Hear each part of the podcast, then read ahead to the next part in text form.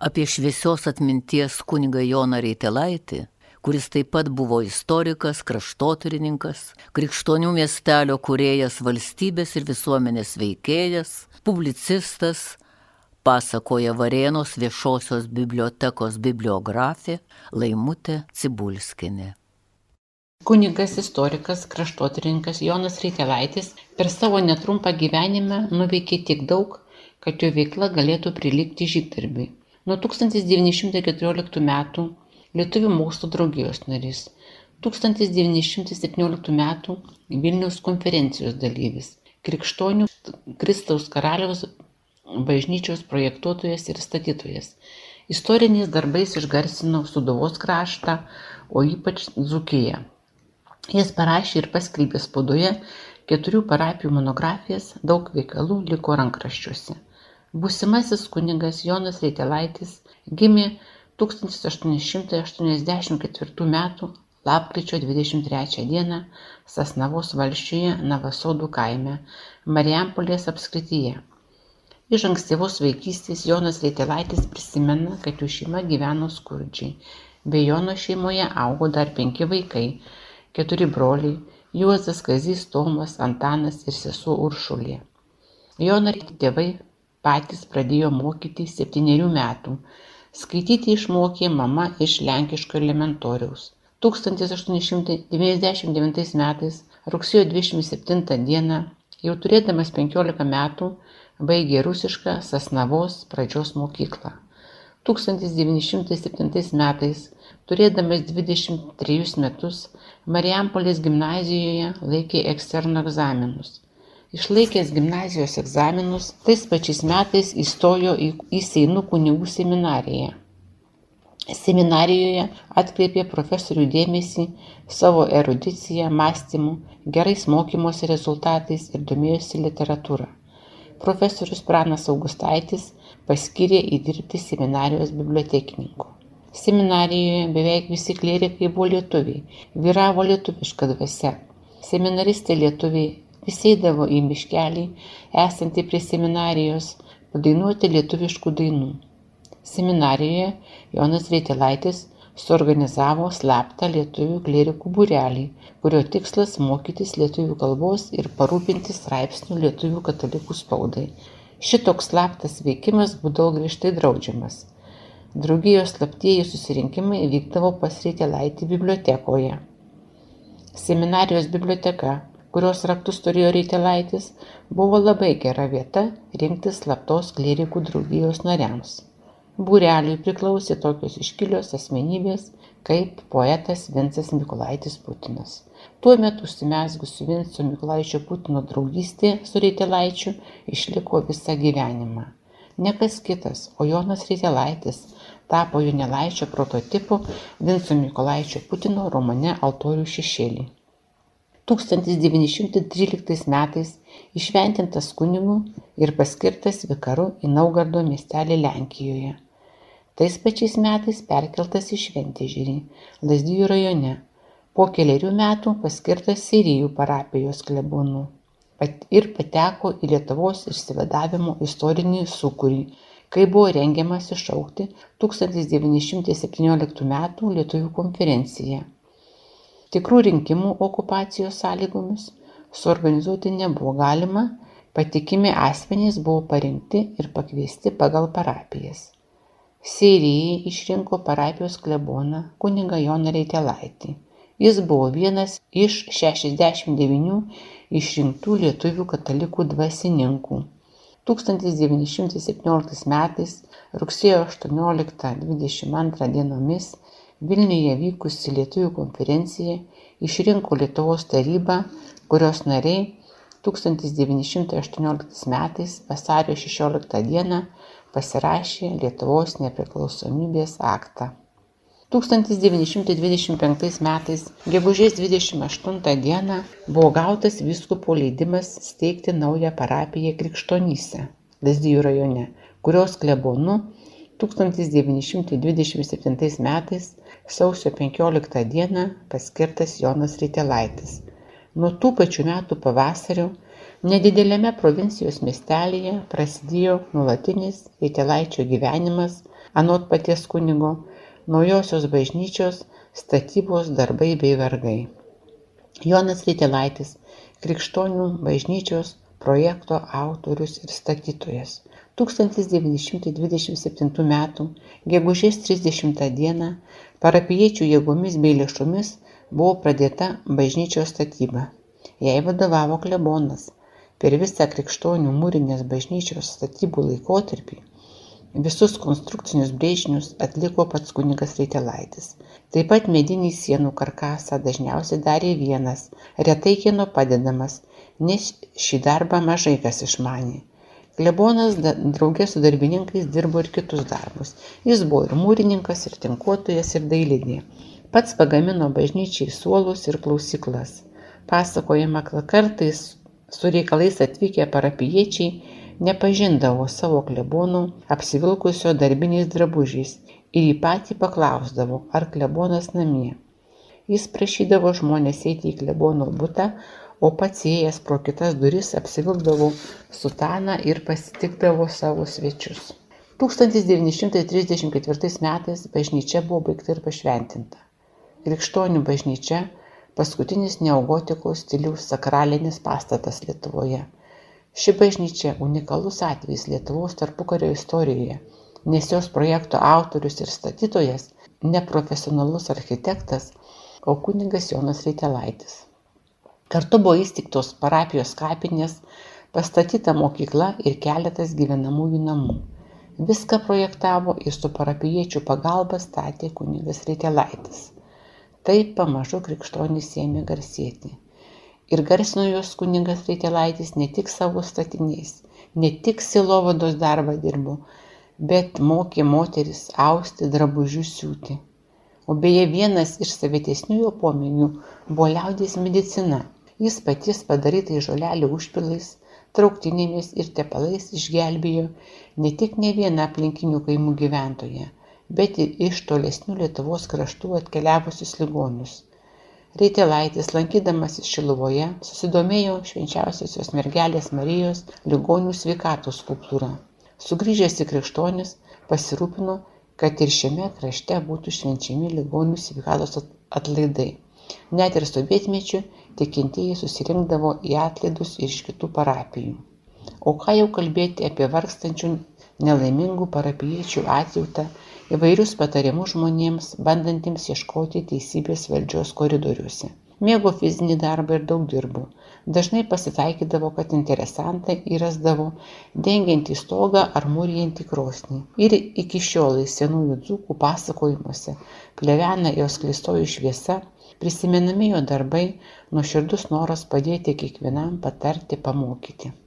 Nuo 1914 metų būdamas lietuvių mokslo draugijos nariu jonas reitelaitis daug jėgų skyrė kraštotyrai. Didelė jo darbų dalis liko rankraščiuose ir yra saugoma lietuvos mokslų akademijos vilniaus universiteto ir nacionalinės martyno mažvydo bibliotekos saugyklose kunigas Reitilaitis užrašinėjo tautosaką, papročius, rinko istorinę medžiagą. Jo bažnyčių, miestelių, dvarų, kaimų tyrinėjimai davė gražių vaisių. 1921-1928 metų leidiniuose, mūsų, leidiniuose mūsų senovė bei tauta ir žodis jis paskelbė Liškevos, Leipalingio ir Veisijų parapijų monografijas.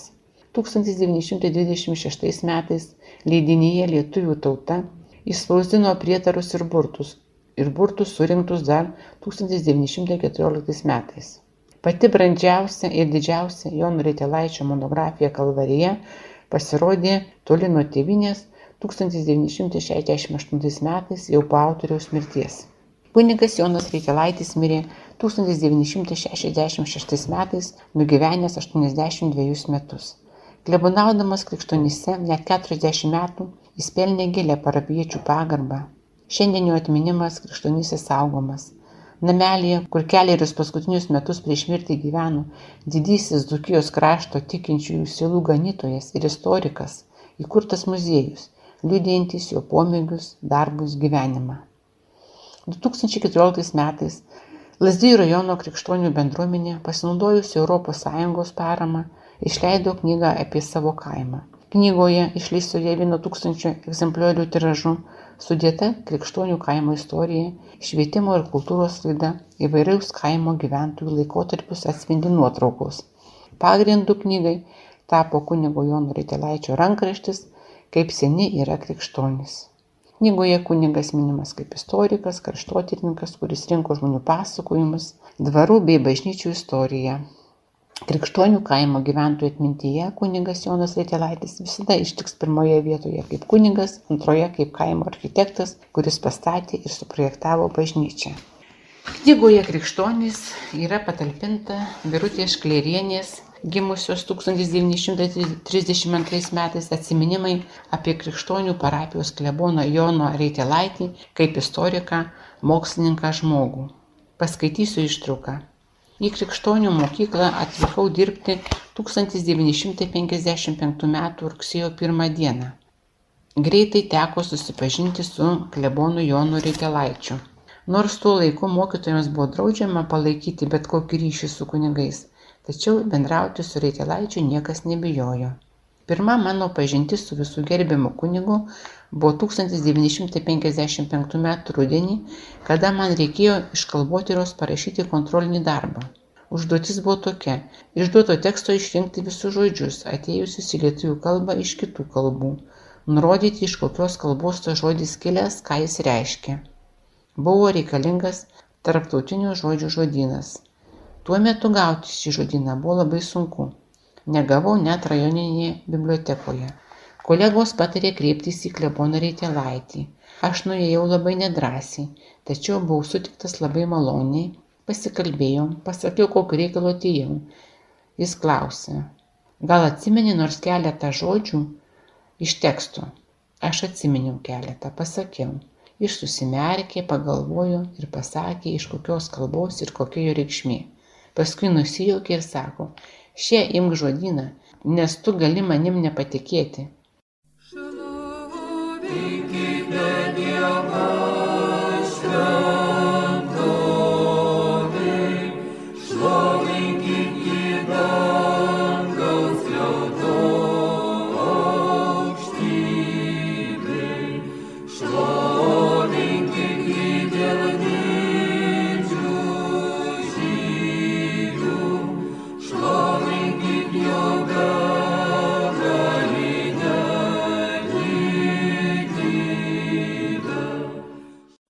Veronikos Pekūnienės atsiminimai apie tai, kaip Jonas Vaitilaitis ją pagydė ištrauką.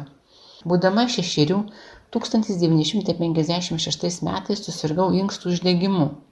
Prisimenu, kad pavasarį sudinome bulvės ir lauką arė Lietuvos sunkiųjų veislės arklių, o mano kojos buvo sutinusios tiek, kad aš jau lyginau savo kojų storį su to arklio kojų storiu. Sakiau, mano kojos tokios storos kaip to arklio dar prisimenu kad prieš šį susirgimą labai norėjau valgyti druską. Ją tiesiog saujomis rydavau. Gydė mane lazdijų ligoninėje apie porą mėnesių kažkokiais leidžiamais vaistais. Bet tas ne ką tepadėjo kuo toliau tuo labiau vaistus jau reikėjo leisti į rankų ar kojų raumenis.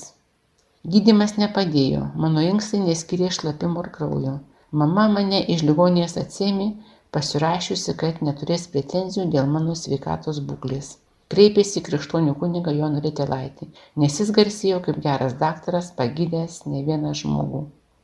Prisimenu, nusivedė mane pasi.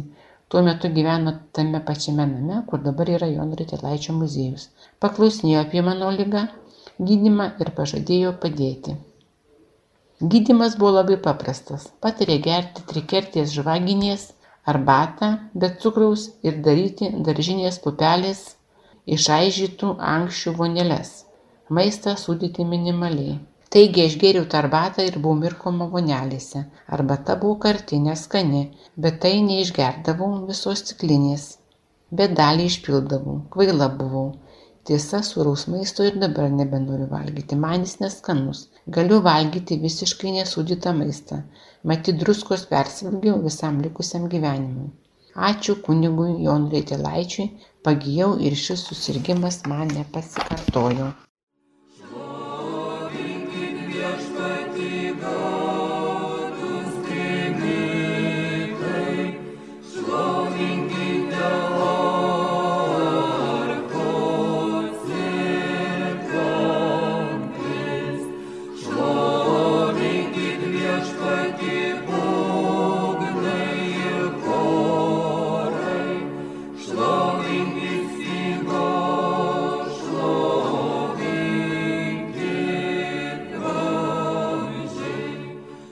Dabar paklausykite kraštotyrininko istoriko Broniaus Kašelionio pasakojimo.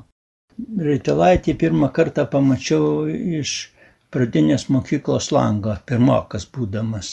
Mačiau, kad jis ateidinėja prie savo statomos mokyklos. Jis antrą mokyklą statė dvi aukštę su balkonais ir tą mokyklą baigė jau vidurinę apie 700 mokinių. Tai jo labai didelis nuopelnas šito kasto švietimui. Bet niekarto jis nebuvo pakviestas į mokyklą, kad papasakotų apie švietimą, apie Lietuvos istoriją, nes kiti laikai tada buvo. Arčiau su juo susipažinau, kai jį vežiau į, į Seirijus, į atlaidus. Mes sėdėjom ant tokio prikimšto šiaudais maišo, mus vežė sartas arkliukas ir vis šnekučiavomės. Man buvo tada dešimt metų ir aš nelabai gerai prisimenu ką mes ten šnekučiavomės, tik prisimenu, jis rodė kalnelį gražų ir sakė, kad šitame kalnelėje guli karžygys, kuris žuvo per karą su kryžiuočiais. Kai tą kalnelį parodžiau archeologams, jie sakė, kad čia yra pilkapis. Tai va toks pirmas artimesnis mano buvo sutikimas su Rytilaičiu. Pirmas ir paskutinis. Rytilaitį daugiausia prisiminė žmonės kaip daktarą, kuris gydė įvairiomis žolelėmis. Ir pats rinko tas žolelės ir žmonės jam padėdavo rinkti ir jis džiovino bažnyčioje. Ten rodos dešinėje navoje tevojo to žolelių. Tai apie tą gydimą yra daug žmonių atsiminimų rašyta, kaip ten nuo visokių lygų jis galėjo žmonės išgydyti ir visi žmonės iš tolimiausių kraštų važiuodavo pasigydytis. Dar jis buvo didelis žinovas audimo, moteris klausinėdavo, kaip reikia paruošti tas audimo staklės, kaip ten tas nytis suverti, kaip ten austi, kaip ten išeina gražus raštas ir taip toliau.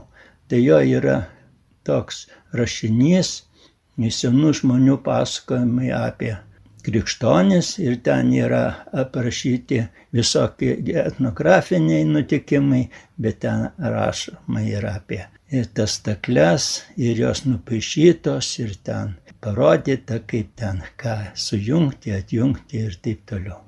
Tai va jis toks į atsiminimuose kaip gydytojas, kaip žinovas audimo bet apie istoriją žmonės tai menkai žinojo. Žinojo, kad jis ten kažką rašo, bet apie karą rašo nežinojo. Kai aš buvau studentu jau, tai tada susidomėjau jo kūrybą ir suradau mokslo akademijos rankraštinę ir universiteto rankraštinę jo fondus ir peržiūrėjau jo rankraščius. Tai jo buvo į storos knygos, ten su visokiais dokumentais ir įrištos buvo į viršeliais iš cemento e, maišelių popieriaus ir užrašyta ant kai kurių. Parašiau padedamas Jablonskio ir Šalūgos. Šalūga tai buvo istorikas instituto istorijos Ir vienas istorikas pasakojo, kaip jis atėjo atsiskaityti pažiūgždą ir atsinešė pilną lagaminą senųjų aktų nuorašų. Tai aišku, kad tie nuorašai paplito ir pasitelaitį. Jis draugavo ir su akademija nu, Jablonskiu ir pasibuvo nuvažiavęs ne kartą ir jo sunenas man pasakoja, kaip jis matė Jablonskio kambaryje didelę krūvą knygų, kurios buvo užtiesos Lietuvos trispalvė vėliava. Tai tais laikais man tai labai tai buvo įdomu žinoti. Tas Jablonskis buvo atvažiavęs ir į Krikštonis, ir su Reitelaičiu buvo prie Nemuno, apžiūrėjo kapą, jo atvinkių karžygio išplautą Nemuno vandens. Jie stovė nusifotografavę prie to karžygio palaikų. Tai aš tą nuotrauką radau suvalkėje pas tokius štimaičius ir paskui jie, jie jau dabar paplitusi yra įvairiuose lydiniuose. Na, apie bažnyčios statybą. Tai statyba labai sunkiai sekėsi, kadangi trūko ir darbininkų, ir technikos, bet tai dirbo daugiausia vietiniai žmonės, apie 40, jis pats vadovavo tai statybai, jis pagal savo projektą, kurį jam patvirtino Kaune architektai Temčiam Kalnis ir Dubenickis ir sakė jam, nu, žiūrėk, kad bažnyčia būtų tvirta. Tai va tas tvirtumas ir matosi bažnyčios tie. Bokštai tokie, kaip piramidė šauna į viršų ir, ir sudaro dalį fasado priekinio ir tas fasadas išeina kaip V raidė kontrforsai labai stambus, jau čia buvo tokia pastaba neigiama, kad kontrforsai yra per stambus. Jie, jie kaip dabar yra neapskardinti, tai jie kiekvienais metais pajuosta tie kontrforsai. Daugiau galima pasakyti ir apie jo vaikystę, kad jis augo Sasnavos parapijoje Navasodų kaime, gyveno sunkiai, vertėsi jis iš pradžių net siuvėjo amato, paskui jis laikė egzaminus eksterno gimnasijos ketvirtos klasės pas poetą kunigą Motiejų Gustaitį. Gustaitis labai apgailistavo, kad jau jam 23 metai ir kuris anksčiau buvo. Tai va tada išlaikęs tuos egzaminus, jis įstojo į Sinų kunigų seminariją septintais metais, jis ten buvo knygininku ir kaip rašo, jis ten buvo radęs rankraščius iš šito daukanto išrašus iš Lietuvos metrikos. Ten rado apie krikštonis, krikštonių mečioklės stovyklą, kur ten Žygimantas Kestutaitis parašė aktą kažkokiam bajorui, jis dovanoja tokius ir tokius žmonės. Tai vyko 1434 metais. Taip, kai aštuonis buvo nuo pusė Nemuno, jie paskui persikėlė į šitą Nemuną, atsirado Kalninė paskui linija ir atsirado 26 metais Krikštonių bažnyčia, pirmoji bažnytelė pastatyta 36 metais. O dabartinė bažnyčia buvo pašventinta 34 metais. Kaip jis sakė, pašventinau vienas pats, neturėdamas jokių svečių. Kai sakiau pamokslą, ne vieno žmogaus akise pamačiau džiaugsmo ašaras. Tai va taip trumpai apie reikalą.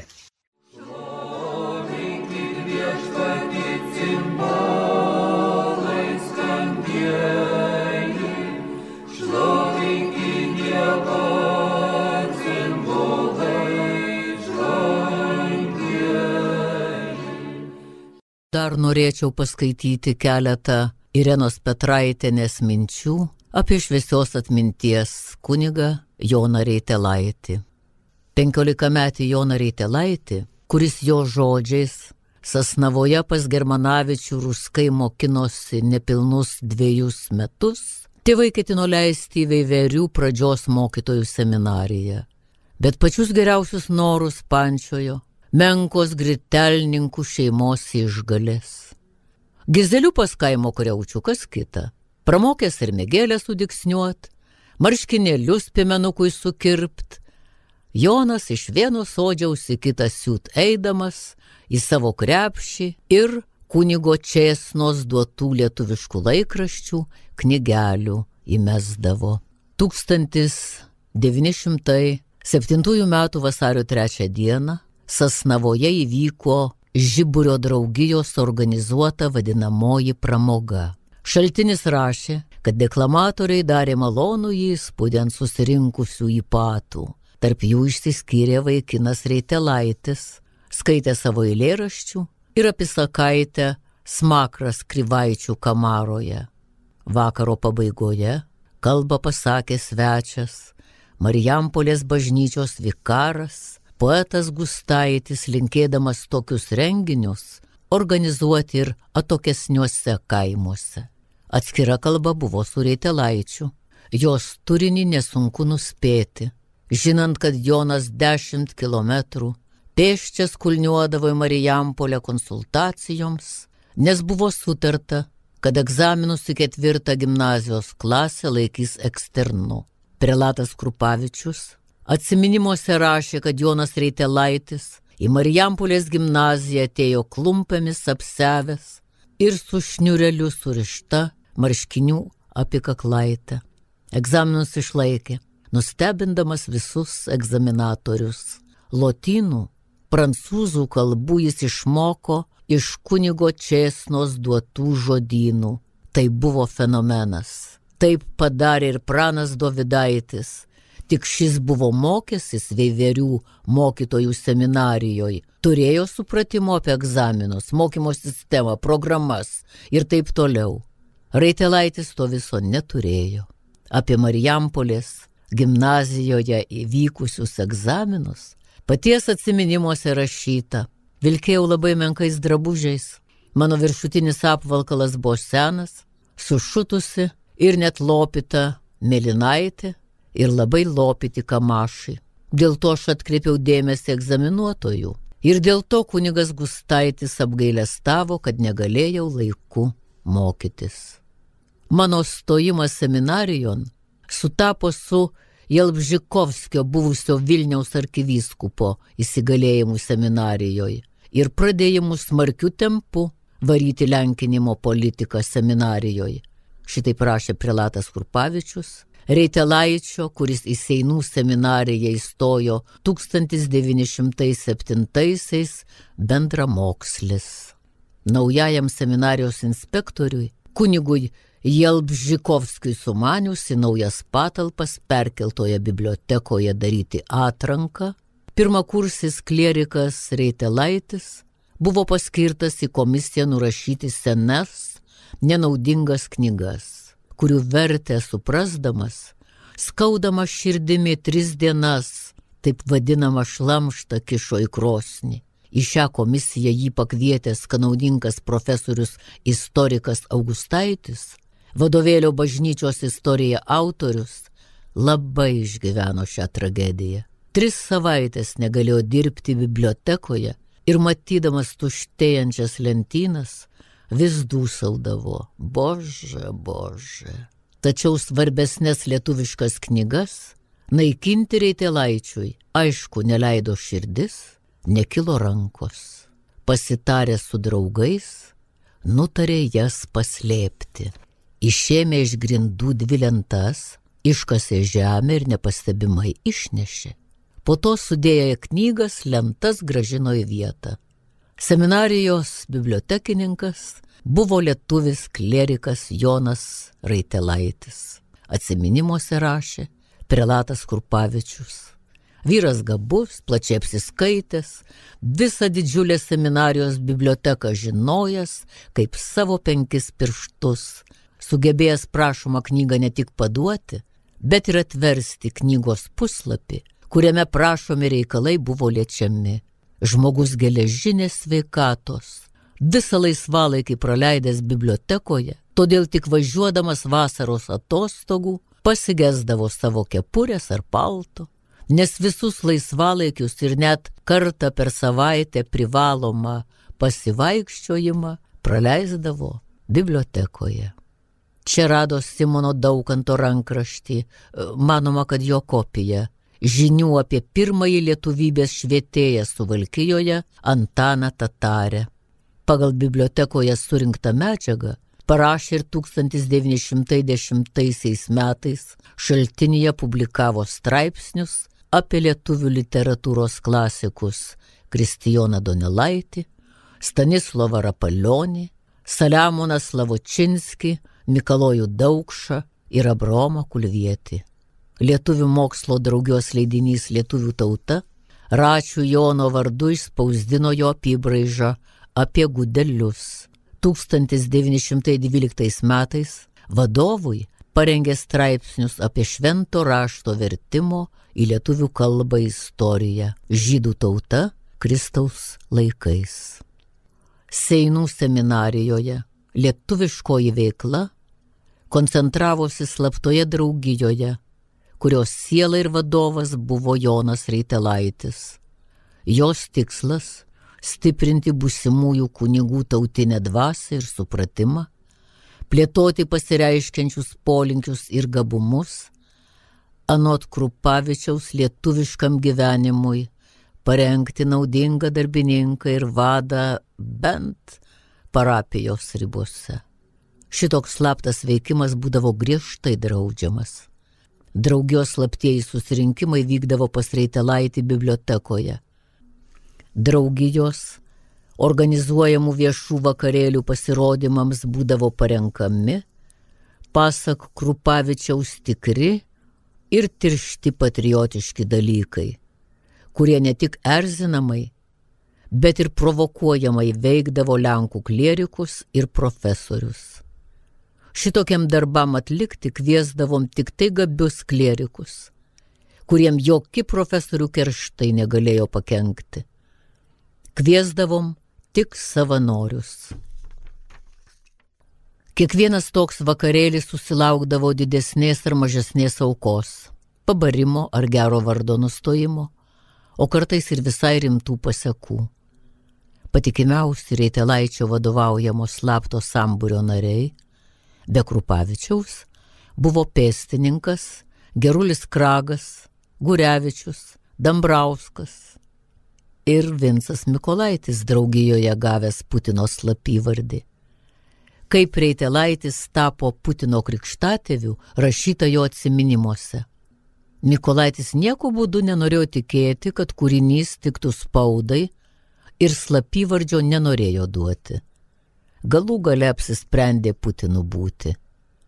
Kadangi smarkiai susijaudinęs ir išraudęs šį vardą pasakė, tai man kaip tik ir gražiausias, ir tinkamiausias šis pasivadinimas atrodė. 1913 metais, sausio 19-ąją Seinų katedroje, viskupas Antanas Karosas, Joną Reitelaitį išventinės į kunigus, paskyrė vikarų į Lenkijos miestelį Novogradą. Po keliarių metų paskirtas Seirijų parapijos klebonų, pateko Lietuvos išsivadavimo istorinis sūkuri, kai buvo rengiamas iššaukti 1917 m. Lietuvių konferencija. Tikrų rinkimų okupacijos sąlygomis suorganizuoti nebuvo galima Patikimi asmenys buvo parinkti ir pakviesti pagal parapijas. Seirija išrinko parapijos kleboną kuniga Reitelaitį. Jis buvo vienas iš 69 išrinktų lietuvių katalikų dvasininkų. Tarp jų beje ir kunigo Jono pirmas mokytojas Asnavos klebonas, kunigas Česna. 1917 metais rugsėjo 18-22 Vilniuje vykusi lietuvių konferencija išrinko Lietuvos tarybą, kurios nariai 1918 metais vasario 16 pasirašė Lietuvos nepriklausomybės aktą. Serijų žmonės, sužinoję kunigo Reitelaičio parvežtas naujienas, kaip ir visi kiti džiaugiasi, kad nebereiks toliau kesti ir vilkti svetimo jungo. Upa žmonių pakilo ir tik laukė, kada bus pagarsinta liuosa ir savistovi Lietuva. Tokių nuotaikų pagautas klebonas ieškojo būdų, kaip seirijuškius skatinti patiems kurti gyvenimą. Todėl organizavo matų mokymo kursus. Pats žinių sėmės iš Petro Vileišio parengtų ir išleistų knygelių, paprasti rakandai ir išdirbiai iš šakų. Ką ir kaip kai kurie matininkai dirba, tekinimo amatas, kai kurie amatai. Kunigas Reitelaitis serijuose pastatė lentpjuvę, jo iniciatyva čia buvo įkurtos ir sėkmingai veikė Saulės ir aušros bendrovės.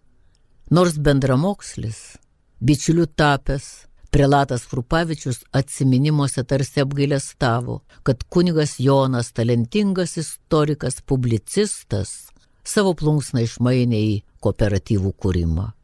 Tačiau serijų laikotarpis nemažiau kūrybingas. 1921-1922 keliuose mūsų senovės numeriuose publikuota Liškevos monografija. 1923-aisiais tautos žodyje apibraiža veisėjai. Toliau buvo renkama kraštotyros medžiaga apie Dzukijos parapijas.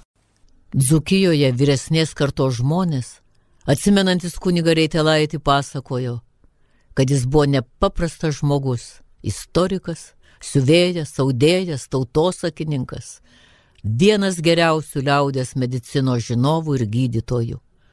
Dėvėdavo paties pasisiutais drabužiais, mėgo fizinį darbą ir daug dirbo. Kardinolo Sigito Tamkevičiaus prisiminimai. Pirmas mano sutiktas tikrai geras kunigas tai buvo parapijos klevonas Jonas Reitelaitis, E, daug metų patarnaudamas mišioms mačiau šitą kunigą. Atminti išlikęs vaizdas, kai ateidavau patarnauti mišioms, užeidavau į kleboniją, aš niekad neradau jo nedirbančio. Arba būdavo prie rašomojo stalo ir kažką skaitydavo ir rašydavo, arba staliaus dirbtuvėje obliuodavo, darydavo bažnyčiai baldus, suolus ir buvo nepaprasto darbštumo. Manau, kad jo tokia įtaka mano pašaukimų irgi buvo pakankamai nemaža. Apie šį šviesios atminties kunigą Joną Reitelaitį. Dar būdamas vaikas, 1940-1955 daug bendravau su šia iškilė asmenybė patarnaudavau šventose mišiuose, padėdavau tvarkyti gausią biblioteką, atminimuose rašė arkivyskupas Sigitas Tamkevičius. Gal ir gyvenimą nusikėliau nuo aukštųjų jo knygų lentynų. Stebino kunigo darbštumas. Jis arba rašydavo, arba triūsdavo dirbtuvėse. Gamino bažnyčiai, mokyklai langus, įvairius baldus. Susirgęs astma, rašyti galėjo tik lūpėdamas ir atsirėmęs alkūnę tačiau rašė daug. Netgi mirties akivaizdoje manęs paprašė užbaigti spausdinti rankraštį. Turtai jo neviliojo. Visas santaupas aukojo švietimui, kultūrai, rėmė neturtingus kraštiečius. Jo parapijoje nekildavo jokių konfliktų. 2004-aisiais, rugsėjo 5, minint Krikštonių Kristaus karaliaus bažnyčios pastatymo 70-asias metinės, Kauno arkivyskupas Sigitas Tamkevičius padovanojo parapijai didelį meniškai išpoštą kryžių. Jį parapiečiai pastatė kaimo kryškelėje. Arkivyskupas jį pašventinės pasakė, pastačiau kryžių, nes žmogaus gyvenime labai reikalingas Dievas. O bažnyčioje sakydamas pamokslą papasakojo, kaip kunigas Reitelaitis, lankydamas iš Šiluvoje, labai susidomėjo švenčiausios mergelės Marijos ligonių sveikatos statula. Ji pagaminta Londone dar 18 amžiuje. Sugrįžęs į parapiją, į tą nuošalų dzukijos kampelį, sumanė čia surenkti ligonių sveikatos atlaidus. Jis norėjo, kad ir krikštonių parapijos žmonės mylėtų Mariją, o ji juos globotų. Girdėjote Varienos viešosios bibliotekos bibliografės Laimutės Cibulskinės, kraštotyrininko istoriko Broniaus Kašelionio ir kardinolo Sigito Tamkevičiaus prisiminimus apie kunigą Joną Reitelaitį.